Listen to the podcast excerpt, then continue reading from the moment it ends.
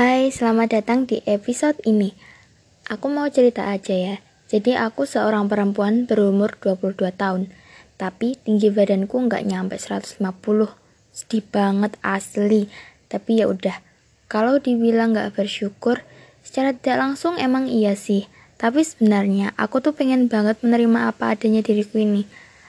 Aku sering insecure sama teman-temanku tapi aku juga sadar kalau rasa insecureku ini tuh gak akan merubah tinggi badanku. Aku cuma bisa pasrah aja sambil berdoa, semoga ada yang mau menerima tinggi badanku dengan tulus. Siapa itu? Yap, jodoh. Walaupun kelihatannya aku bodoh amat sama yang namanya pasangan ya. Tapi sebenarnya aku memikirkan hal itu juga loh. Aku takut kalau hal-hal negatif yang aku pikirkan itu terjadi padaku.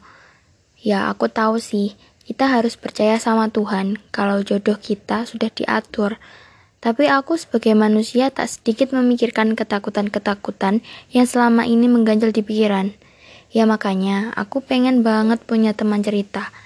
Jadi aku buat podcast ini, mungkin isinya nggak bakal menginspirasi orang, tapi aku cuma sekadar ingin bercerita ingin ngobrol aja gitu sama kalian.